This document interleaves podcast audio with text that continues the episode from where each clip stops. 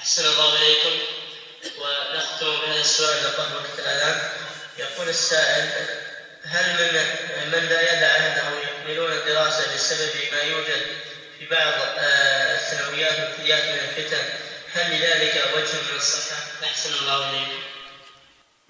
العلم الشرعي مطلوب من النساء كما هو مطلوب من الرجال وعني بذلك العلم الشرعي المأمور به في بالنصوص الشرعية المورث لخشية الله جل وعلا وما لا تقوم الدنيا إلا به من العلوم الأخرى. هذا كله مطلوب لكن يبقى أن الأصل بالنسبة للمرأة القرار في البيت. يقول الله جل وعلا وقرن في بيوتكن فإذا تعارض مثل هذا مع هذا ترجع إلى الأصل إذا كان هناك معارضة.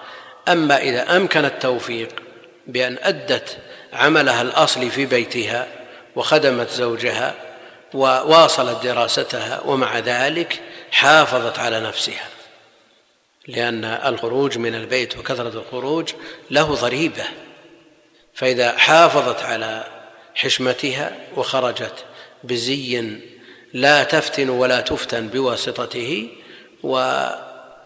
واستعملت أيضا خروجها في طريقها وفي مدرستها إذا رأت ملاحظ على إحدى زميلاتها أسدت لها نصيحة وصارت داعية خير في هذا المحفل الذي هو الذي يجمع جمع من الطالبات. إذا انضم إلى ذلك دعوة إلى الله جل وعلا وتوجيه وإنكار لمنكر وأمر بمعروف هذا لا شك أنه خير فالمنع منه آه، غير متجه.